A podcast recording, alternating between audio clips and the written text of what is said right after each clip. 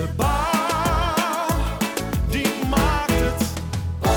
Welkom, leuk dat je luistert. Dit is aflevering 38 van de Bouwmaakte podcast. Mijn naam is Iman de Vries en deze keer gaan we het hebben over duurzame aanbestedingen. Sterker nog, we hebben zelfs een dubbele top 25 met partijen die heel goed bezig zijn geweest met duurzaam gunnen. Voor de vijfde keer bracht het Aanbestedingsinstituut een ranglijst uit van aanbestedende diensten die waardevolle innovaties aanjagen door marktpartijen uit te dagen op duurzaamheid. Omdat er dit jaar een vijfjarig jubileum is, heeft mijn gast Jos van Alphen twee lijsten gemaakt. Er is dus niet alleen een traditionele top 25, maar ook een all-time lijst gemaakt met verrassende resultaten. En daar ga ik het met mijn gasten over hebben. Uiteraard is dat Jos van Alphen van het Aanbestedingsinstituut en Bouwen Nederland, maar ook met Bjorn IJzenga, adviseur inkoop bij de gemeente Houten en Imra Hoveling, senior contractmanager bij Hoogheemraadschap van Rijnland. Twee partijen die een podiumplaats kregen. Welkom iedereen. Hallo. Dankjewel. Jos, wat is het eh, Aanbestedingsinstituut precies? Aanbestedingsinstituut is een club die bij Bouwend Nederland hoort. Wij verzamelen heel veel informatie over aanbestedingen. Die gegevens slaan we op in een database en aan de hand daarvan kunnen we allemaal leuke dingen laten zien. En we proberen met die gegevens opdrachtgevers, eh, maar ook ondernemers te stimuleren om op een goede manier aan te besteden en in te schrijven. Oké, en wat zijn dan de leuke dingen, zoals je zegt? Nou, de leuke dingen, eh, bijvoorbeeld het duurzaam aanbesteden. We weten dat het maatschappelijk heel belangrijk is. En daarom willen we heel graag uh, de partijen in het zonnetje zetten die daar goed mee bezig zijn. Om die reden hebben wij de top 25 bedacht. En uh, daar is uh, veel animo voor. Er zijn veel aanbestedendiensten die graag in die top 25 willen horen. Dan krijgen ze dat ook de complimenten, niet alleen van ons, maar ook van, van anderen. Ja, want het is al het vijfde jaar inmiddels. Het is het vijfde jaar. En het mooie van die vijf jaar is dat we ieder jaar progressie zien. Dat er ieder jaar steeds hogere scores worden gerealiseerd. Maar we zagen ook dat er een groot aantal aanbestedende diensten niet zo heel vaak aanbesteden. En die wilden we toch ook graag een keertje in de picture krijgen. Daarom heb ik ook een top 25 gemaakt over een periode van zes jaar. Daardoor kon ik veel meer aanbestedende diensten beoordelen. En kwamen er ook nieuwe partijen naar boven borrelen die we een mooie podiumplaats kunnen geven. Hoe maak je nou zo'n top 25? Hoe stel je die samen? Wij stellen die samen door heel goed te kijken naar de elementen uh, die duurzaam zijn in een aanbesteding. En we focussen daarbij vooral op gunningscriteria. Gunningscriteria zijn methoden waarmee ondernemers zich kunnen onderscheiden door duurzame meerwaarde te bieden. Wie uh, daar een groot gewicht aan geeft, wie zegt dat het heel belangrijk is dat er duurzame meerwaarde wordt aangeboden, die krijgen de hoogste score. En partijen die het wat minder doen, bijvoorbeeld alleen maar minimum eisen stellen, krijgen een wat lagere score. En dan gaan we al die scores gaan we middelen en op die manier krijgen we een goed beeld in welke mate duurzaam aanbesteden in het DNA van een aanbesteder zit. Nou zei je ook, je hebt ook die top 25 gemaakt over die groter aantal jaren. En daar uh, zit ook iemand aan tafel uh, de gemeente Houten. En waarom is het zo bijzonder dat de gemeente Houten hier nou in staat? Nou, het bijzondere van de gemeente Houten is dat wij zien dat ze bij al hun aanbestedingen uh, aandacht hebben gegeven aan duurzaamheid. En dat ze in heel veel gevallen uh, zelfs duurzaam hebben gegund, waar veel andere opdrachtgevers gewoon kiezen voor de laagste prijs. En, en dat geeft een hoge totaalscore voor de gemeente Houten. En Björn, um, wist je dat je als uh, gemeente het Houten het zo goed doet? Niet met zoveel woorden. Nee, we waren ook, ook, ook absoluut verrast door, uh, door de melding die we kregen. Je weet van jezelf dat je het goed doet. Dat is het belangrijkste uitgangspunt. Hè. Je, je, werkt eraan. Je bent met het voltallige team daarmee bezig om duurzaamheid altijd een plekje te geven in elke aanbesteding. Het is een belangrijk onderdeel van ons uh, inkoop, uh, inkoopbeleid. dus, dus daar wil je aan werken. Maar dat je het zo goed doet dat je op deze manier ook deze waardering dan vanuit Bouwend Nederland krijgt. Ja, dat hadden we van tevoren echt niet ingeschat, bedacht of geweten. Dus ja, dat was leuk. Aangename verrassing. Uh, hoe pakken jullie dat duurzaam aanbesteden nou aan? Duurzaam aanbesteden is, is echt een. Het, is eigenlijk een must. In iedere aanbesteding die wij doen, moet duurzaamheid een onderdeel zijn. En dat kan zijn dat we alleen maar zeggen van we doen alleen maar zaken met partijen die duurzaamheid hoog in de vaandel hebben staan. Dus die daar een milieubeleidsplan of iets in die geest voor hebben. Maar het kan ook zijn dat we daar uh, nog dieper op ingaan. En we proberen vanuit ons inkoopteam, maar ook samen met de mensen van de afdelingen, uh, daar toch steeds meer te zoeken van welke mogelijkheden heb je, welke ruimte is er. En als je met elkaar daaraan werkt en we krijgen daar gelukkig uh, bijna alle teams gewoon goed in mee. Ja, dan vind je ook vanzelf wel mogelijkheden om die duurzaamheid nog een, een, uh, ja, een breder podium te geven, zeg maar, in je aanbesteding. Het begint echt met je moet en daarmee uh, ga, je, ga je de mensen uiteindelijk ook wel meekrijgen. En Imre, herken je dit? Ja, ik herken het zeer zeker, want wij waren vorig jaar stonden we op nummer twee van, van de lijst. En dat kwam ook wel nou, eigenlijk als, eh, niet als een verrassing, maar toch ook wel weer als een verrassing. We stonden eerst op nummer, eh, nummer 11, Elf. eh, volgens mij die, de, de keer daarvoor. En nou, het kwam natuurlijk binnen met een taart, dus dat is altijd positief. zo hebben we dat positief ontvangen. Maar het kwam in die zin ook wel een beetje als een verrassing van wij, eh, en dan noem ik even wij, contractmanagement, eh, wij, ik noem het even de projectenafdeling, maar ook onder onze onderhoudsclub die veel met eh, het aanbesteden van werken of onderhoudswerken bezig zijn. Wij wisten wel dat we, dat we goed bezig waren, maar dat gebeurt met name, of gebeurde, en, en het gebeurt steeds meer gestructureerd.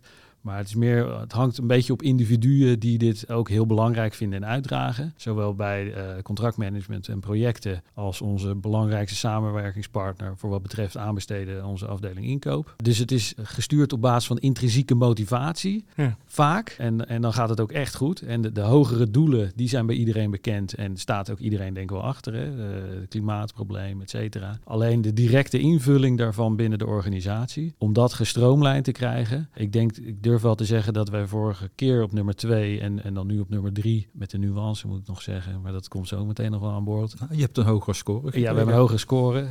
Eh, maar dat wij eigenlijk nu in een soort fase zitten dat wij van eh nou, geïntrinsiek gemotiveerd, aantal mensen die het heel belangrijk vinden, naar echt gestructureerd eh, gaan. En eh, nou ja, als we dat eenmaal zover hebben, dan eh, verwacht ik wel een nummer één op een gegeven moment. Ja, precies. Ja, want dat is toch. eh, We hebben het vorige aflevering hebben we het gehad over RGS, resultaatgericht samenwerken. En er was ook het advies van, ja, weet je, je kan je organisatie kan je wel één of twee mensen neerzetten die waar het dan aan hangt, maar het moet echt in je in het DNA van je bedrijf komen te zitten of in het DNA van je organisatie komen te zitten. En Ja.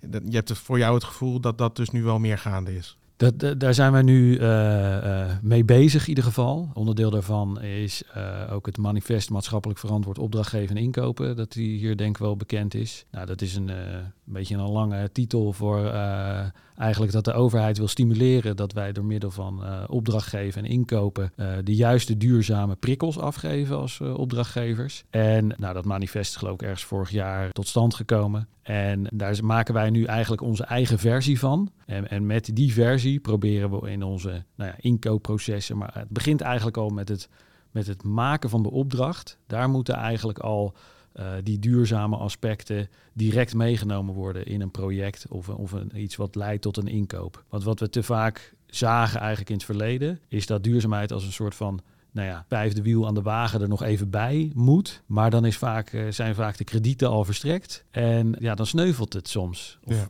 soms, eigenlijk vaak. Ja. En als je het nou st- gestructureerd vanaf het begin van je project al meeneemt, dan heb je eigenlijk dat issue niet zo. En dan, dat is ook een middel om het echt eh, het DNA te laten worden van een organisatie. En dan kun je ook de grootste stappen maken. Hè? Want sommige keuzes die zitten echt helemaal vooraan in het ontwerptraject. Als je die afslag mist, dan kun je daar niet op terugkeren. Ik, ik denk de grootste keuzes zitten in het begin. Absoluut. Ja. En Jos, hoe kijk je nou aan tegen de, de prestaties van eh Hoogheemraadschap? Nou, de prestaties van het Hoogheemraadschap zijn opmerkelijk, omdat ze een hele steile curve omhoog hebben gedaan. Ik heb eh, een paar jaar geleden gemeten, toen hadden ze 17 aanbestedingen, waarvan er 14 niet duurzaam werden gegund. En nu gaan bijna alle aanbestedingen, die worden duurzaam gegund. En, en vaak ook met hele aantrekkelijke percentages, zodat de ondernemers zich daar echt in kunnen onderscheiden. Dat is hartstikke goed. En ehm nog even, wie staat er op nummer 1?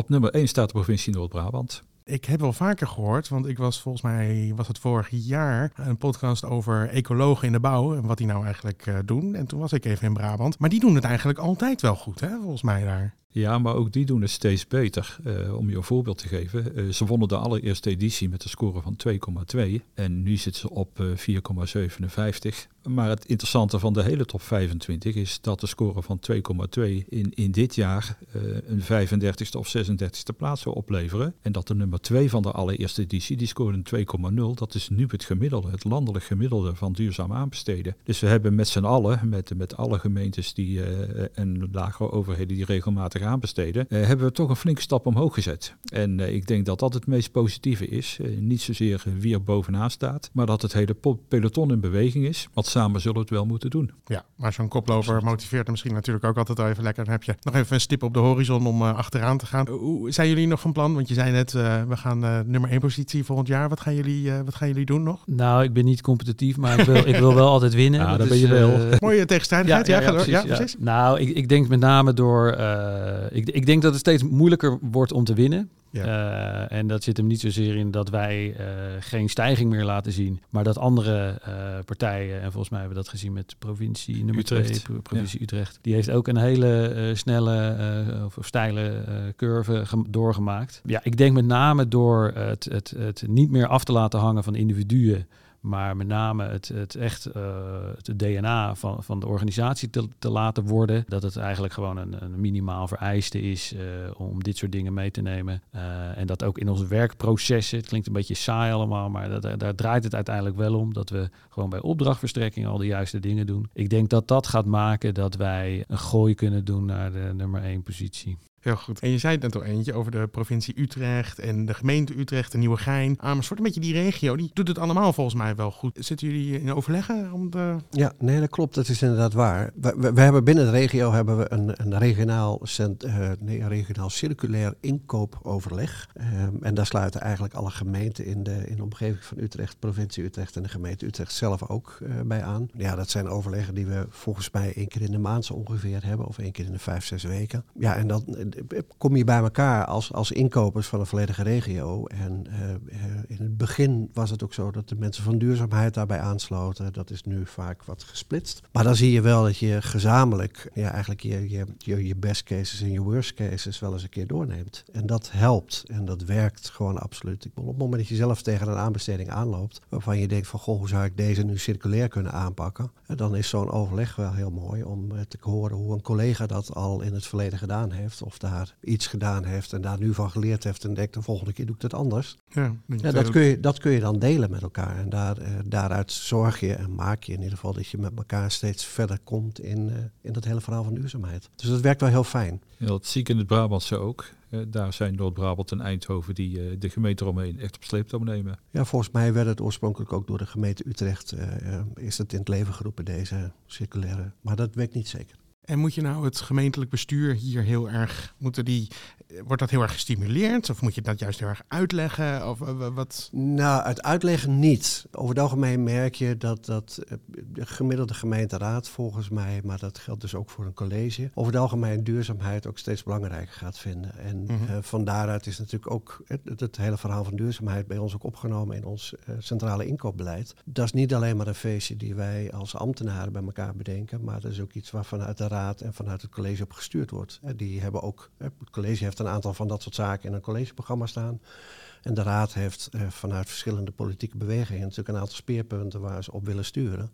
Mhm. En die daar ook ons ook zullen bevragen van wat doe je daar nu mee en hoe ga je daar nu mee om. Dus dat, eh, daar word je wel in gestimuleerd. Ja, precies. En is er dan ook een realistisch beeld vanuit? Want wat je zegt, ik denk dat de meeste mensen wel duurzaamheid hoog, hoog hebben staan, soort van het is belangrijk. Maar snappen mensen ook wat het inhoudt? Ik denk dat er qua kosten zal het misschien wel wat hoger zijn. Hebben ze mensen een realistisch beeld wat duurzaamheid inhoudt en wat er allemaal bij komt kijken?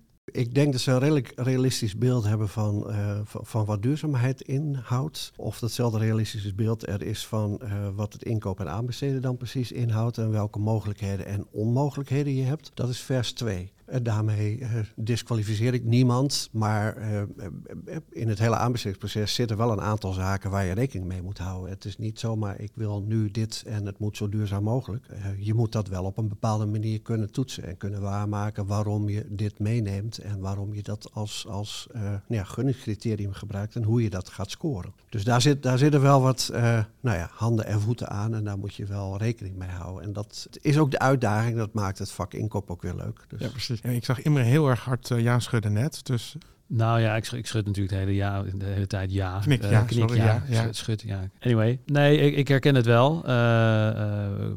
Wij vanuit de waterschappen eh, zijn ook verenigd in de Unie van Waterschappen. En vanuit de Unie, nou, daar hebben wij om zeg maar alle waterschappen eh, nou, te verenigen, ook op dit eh, beleidsniveau of, of deze thema's, komen we zeer regelmatig bij elkaar. En ehm, nou, die, die, waters, of die Unie van Waterschappen, die wordt natuurlijk ook gevoed. En er is steeds wisselwerking tussen de onderlinge of de individuele waterschappen. Maar het is, ik denk op hoofdlijnen dat onze VV, zo- zoals ons bestuur eh, heet, die hebben eh, duurzaamheid ook hoog in het vaandel staan. Maar, maar het, ik denk dat wij nog wel eens eh, qua uitleg dat, dat, dat we misschien beter ons, ik wil niet ons best moeten doen, maar van, van hoe werkt dit nou precies? En, en kost het inderdaad heel veel meer geld? En misschien kost het nu even meer geld. Maar als we straks, als het straks mainstream wordt, om maar een mooi Nederlands woord te gebruiken, Ja. dan zou het wel eens minder kunnen, kunnen kosten. Een voorbeeld daarvan is, eh, wij, eh, nou, een van onze belangrijke taken is, is baggeren. Wij hebben een, eh, een groot werk aanbesteed met emissieloos, waar dat helemaal emissieloos is gedaan. Dat was een, een heel groot, een hele grote waterpartij was dat. Nou, daarvan zeggen dan mensen, ja, maar dat was een makkelijk project, want dat is op één locatie. En maar wij moeten ook vaak hele strekkingen baggeren. Dat, wat natuurlijk een andere complexiteit met zich meebrengt. Je kan je voorstellen dat als je dat elektrisch moet gaan doen, dat je of met een of ander heel lang verlengsnoer achter dat apparaat aan moet gaan. Ja, ik krijg nu beelden. Ja, Ja, ja, precies. Eh, of je moet eh, iets met accu's doen, of iets met, eh, met waterstof. Dat soort investeringen zijn in eerste instantie natuurlijk heel hoog. Voor, voor marktpartijen die gewoon hun materieel hebben staan, daar niet op, eh, op, eh, op ingericht zijn. Alleen als wij als, als ja, inkopende partijen daar gewoon echt kracht achter zetten, ja, dan kost dat in eerste instantie natuurlijk best veel. Want dat, het, het- ik noem het even het wagenpark, moet echt om. Maar zodra dat gebeurd is, wil niet zeggen dan, dan is alles weer als normaal. Maar dan zal daar in mijn verwachting ook weer een, een normaliserend effect van uitgaan. Dat alle partijen inmiddels over dat soort materieel beschikken. En dat dat dus niet per se meer gaat kosten in de toekomst. Ja, je, duwt de markt eigenlijk een soort drempel over, omdat het... eh, ja, ja. Ja, maar. Dat, dat kun je niet alleen als een enkel hooghemelschap doen. Dan heb je ook meerdere partijen nodig die het samen doen. En dan krijg je een mooie stip op de horizon waar de ondernemers zich op eh, kunnen richten. Ja, nou, maar het, leuke is dat we via de Unie van Waterschappen komen we ook regelmatig bij elkaar. En nou, men hoort natuurlijk ook van dat wij het zeg maar in deze lijst goed doen waar we het nu over hebben. En dat soort projecten, eh, zoals dat, eh, dat grote baggerproject waar ik net over had, wat emissieloos is gedaan, dat inspireert andere partijen ook weer. En dat inspireert andere waterschappen. Want wij, ik heb al veelvuldig met andere waterschappen gesproken over dit eh, project. En hoe, hoe hebben jullie dat dan in de, in de inschrijvingsleidraad gezet, et cetera? Gewoon van gewoon heel praktische zaken. En hoe scoorde je dat dan? En hoeveel eh, fictieve korting, eh, eh, Ja. eh, nou ja, in ieder geval, in ieder geval beloning eh, geef je de, de partijen dan? De techniek en de strategie. Precies, maar het is niet alleen dat andere overheden heel erg of geïnspireerd raken. Een van de mooiste verhalen die ik eh, gehoord heb naar aanleiding van dat project, eh, dat emissieloos baggeren, is dat een partij die het niet geworden is bij die aanbesteding, die, die heeft natuurlijk wel alle effort erin gestoken om een goede aanbieding te doen. Als gevolg daarvan konden zij bij een ander werk, waar vergelijkbare eh gunningscriteria werden gesteld, konden zij wel een aanbieding doen. En daar hebben ze het werk ook gepakt met emissieloos. Dus met het denkwerk en de effort die ze voor ons project gedaan hebben, hebben ze een ander werk eh, aan kunnen nemen. En het leuke daarvan is, is dat zij, eh, nou, daar, daar liepen ze eigenlijk tegen het probleem van de, het netwerk aan. Dat het, het snoer lag er dus niet, Mhm. of niet op tijd. En eh, dat heeft ze weer geïnspireerd om met waterstofaggregaten te gaan, te gaan ontwikkelen. Eigenlijk in eigen beheer. Dus zo'n zo'n zo'n aanbesteding met slimme gunningscriteria op dit aspect heeft een veel eh, breder eh, effect dan dat je in eerste instantie zou denken. Dus dat eh, was dit Ja. een vraag? En met die, en met creativiteit heeft die ondernemer misschien ook voor volgende projecten een, een streepje voor. Absoluut. Ja. En we hebben het nu heel erg over nou ja, wat er allemaal goed gaat. Maar er is natuurlijk ook nog een onderkant van de ranglijsten. Of mensen die de ranglijst niet eens hebben gehaald. Ja, hoe gaat het daarmee, Jos? Het gaat daar met horten en stoten een heel klein beetje vooruit. Eh, maar er zijn toch nog wel eh, veel aanbestedende diensten die een beetje watervrees hebben. die een beetje last hebben van het eh, Benny Nijmans syndroom. Ik weet niet hoe. En ik zou het toch wel heel belangrijk vinden als ze daar een beetje hulp in krijgen. We proberen dat zelf, onder andere door voorlichtingsmateriaal te geven. Wat zijn de quick wins? Hoe kun je op een gemakkelijke, eenvoudige manier toch een stukje duurzaamheid in je aanbesteding meenemen? Eh, maar de beste manier om, eh, om, om snel eigen te worden in het terrein is gewoon bij de buren gluren en kijken eh, wat die aan mooie dingen hebben bedacht. Hoe ziet het plaatje landelijk eruit? Is, het, gaat dat, is dat heel rooskleurig qua duurzame aanbestedingen? Of Nou ja, het, het begint steeds duurzamer te worden. Hè. We hebben dit jaar, eh, wat de infrawerken betreft, eh, hebben we meer dan 50% eh, aan duurzame gunningen genoteerd. Terwijl we daar zes jaar geleden op, op ongeveer 20% zaten. Dus er zijn flinke stappen vooruit gemaakt. Maar we, we kunnen niet op de lauweren blijven rusten, want we hebben toch nog een hele grote stap te gaan om, om alle doelstellingen te kunnen bereiken. En dan hebben we aan koplopers een hele goede, omdat die eh, mooie succesrijke voorbeelden aanreiken. Maar we hebben ook de massa nodig, eh, zodat die stip op de horizon steeds duidelijker wordt en, en veel meer bedrijven de investeringen eh, durven te maken die nodig zijn. Dus het is wel een beetje ingeburgerd aan het raken om over duurzaamheid na te denken. Ehm, ja, maar het hangt bij sommige organisaties toch nog wel heel sterk op één of twee personen. Ik durf niet te zeggen dat het standaard al in het bloed van de bestekschrijver of van de, van de inkoper zit. Eh, en Björn, ik zie je nee knikken. ja, Nee, ik denk dat je daar wel een goed punt aanraakt. Ik bedoel, volgens mij eh, raken steeds meer mensen wel doordrongen van het feit dat we daar wel iets mee moeten. Hè, je moet met duurzaamheid, je moet dat meenemen in, in, in alles wat je doet. Al is het alleen maar als je naar je eigen huishouding kijkt. Hè, maar als je dat in een groter verband bij een gemeente of een waterschap of eh, provincie, eh, ministeries kijkt. Eh, ik denk dat de meeste mensen er wel van doordrongen zijn dat we daar iets mee moeten. En dat we duurzaamheid daarin ook mee, mee moeten laten wegen in het hele verhaal. Alleen... Nee, goed, jij noemt het Benny Nijland syndroom. Ik ga dat graag uit van eh, het Pippi Langkous eh, verhaal. Ik heb het nog nooit gedaan, dus ik kan het. En weet je, volgens mij moet je gewoon beginnen en moet je het gewoon doen. En dat kan met kleine dingetjes zijn aan het begin. Je kunt beginnen met alleen maar eh, de eisen al op te nemen. Dan kom je niet mee gelijk in de top 25, heb ik al begrepen. Maar Maar je krijgt dan wel een scoretje. maar je komt, je komt in ieder geval al ergens. Maar je, je kunt daar wel in, in het klein mee beginnen. En als ik voor mezelf ook terugkijk eh, naar de, de, de aanbesteding die wij vanuit Houten gedaan hebben. En zelfs al de, de lijst die jij mij hebt toegestuurd, Jos. Dan zie ik daar ook aanbestedingen die, eh, eh, nou zelfs aanbestedingen die voor de tweede keer teruggekomen zijn. Hè, omdat het over een periode van zes jaar kijkt. Dus eh, nou goed, gemiddeld vier jaar. En dan komt hij wel een keer weer opnieuw op de rol. Maar dan zie ik ook dat we ook daarin zelf als organisatie ook een progressie hebben gemaakt. Hè, dat je eh, zaken in de eerste aanbesteding nog als een eis hebt opgenomen, terwijl je er nu als een gunningscriterium van gemaakt hebt. En ik denk dat je, als je dus klein begint, hè, begin met die criteria en bouw het langzaamaan op. Hè, en, en maak er echt een gunningscriterium van. En probeer de markt er ook in uit te dagen. Ik, volgens mij zit daar gewoon de kracht. We proberen veel te vaak dingen al helemaal dicht te spijkeren. En hè, maak er lekker een eis van, dan staat het vast. Iedereen moet het gaan doen. En dan weten we zeker dat het duurzaam is. Maar is dat wel het meest duurzame? Nee, want heb je alleen eh, de, de, de slechte kwaliteit weggeschraapt, maar de weg omhoog nog niet gevonden.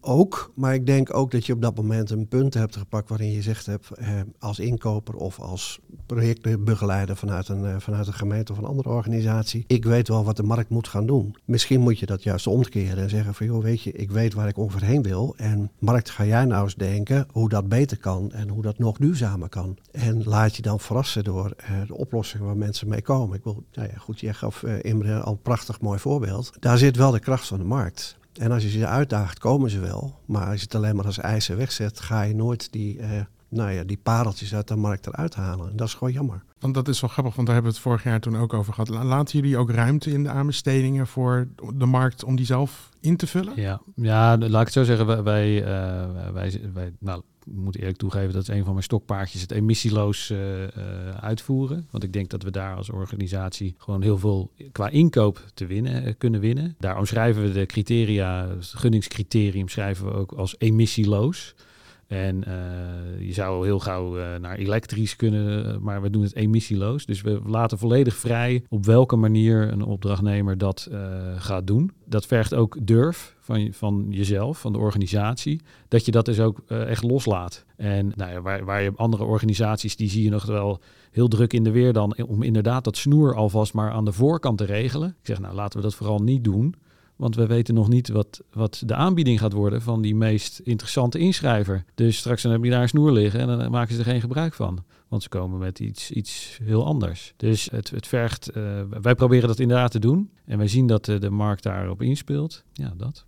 Het is denk ik ook een beetje eh, toegeven dat je niet altijd alle wijsheid zelf in pacht hebt. En ook de experts natuurlijk, die daar misschien al dagelijks mee bezig zijn, eh, de ruimte laten om dat in te vullen. Absoluut. Ja. Ja. Jij gaf net eigenlijk al een tip. Maar heb je, heb je nog een tip voor, voor aanbesteders die er misschien nog niet zo nou ja, enorm mee bezig zijn? Van eh, wat moeten ze doen? Nou Ja, en, en iets wat, wat, wat ons in ieder geval altijd wel helpt, dat is de, de, de MVI-criteria tool. Hè, Daar worden zoveel mogelijkheden, zoveel kansen al in benoemd. En dat is nog, eh, als je het heel goed beschouwt, is dat echt nog gewoon de onderkant van het verhaal. Maar het geeft je wel richting, het geeft je wel ruimte, het geeft je wel een idee van, goh, waar kan ik aan denken? En eh, ja, voor de rest, eh, ga het vooral doen. Nou, ik sluit me daar volledig bij aan. En het leuke juist van een gunningscriterium is dat het je niet je aanbesteding verknoeit in principe.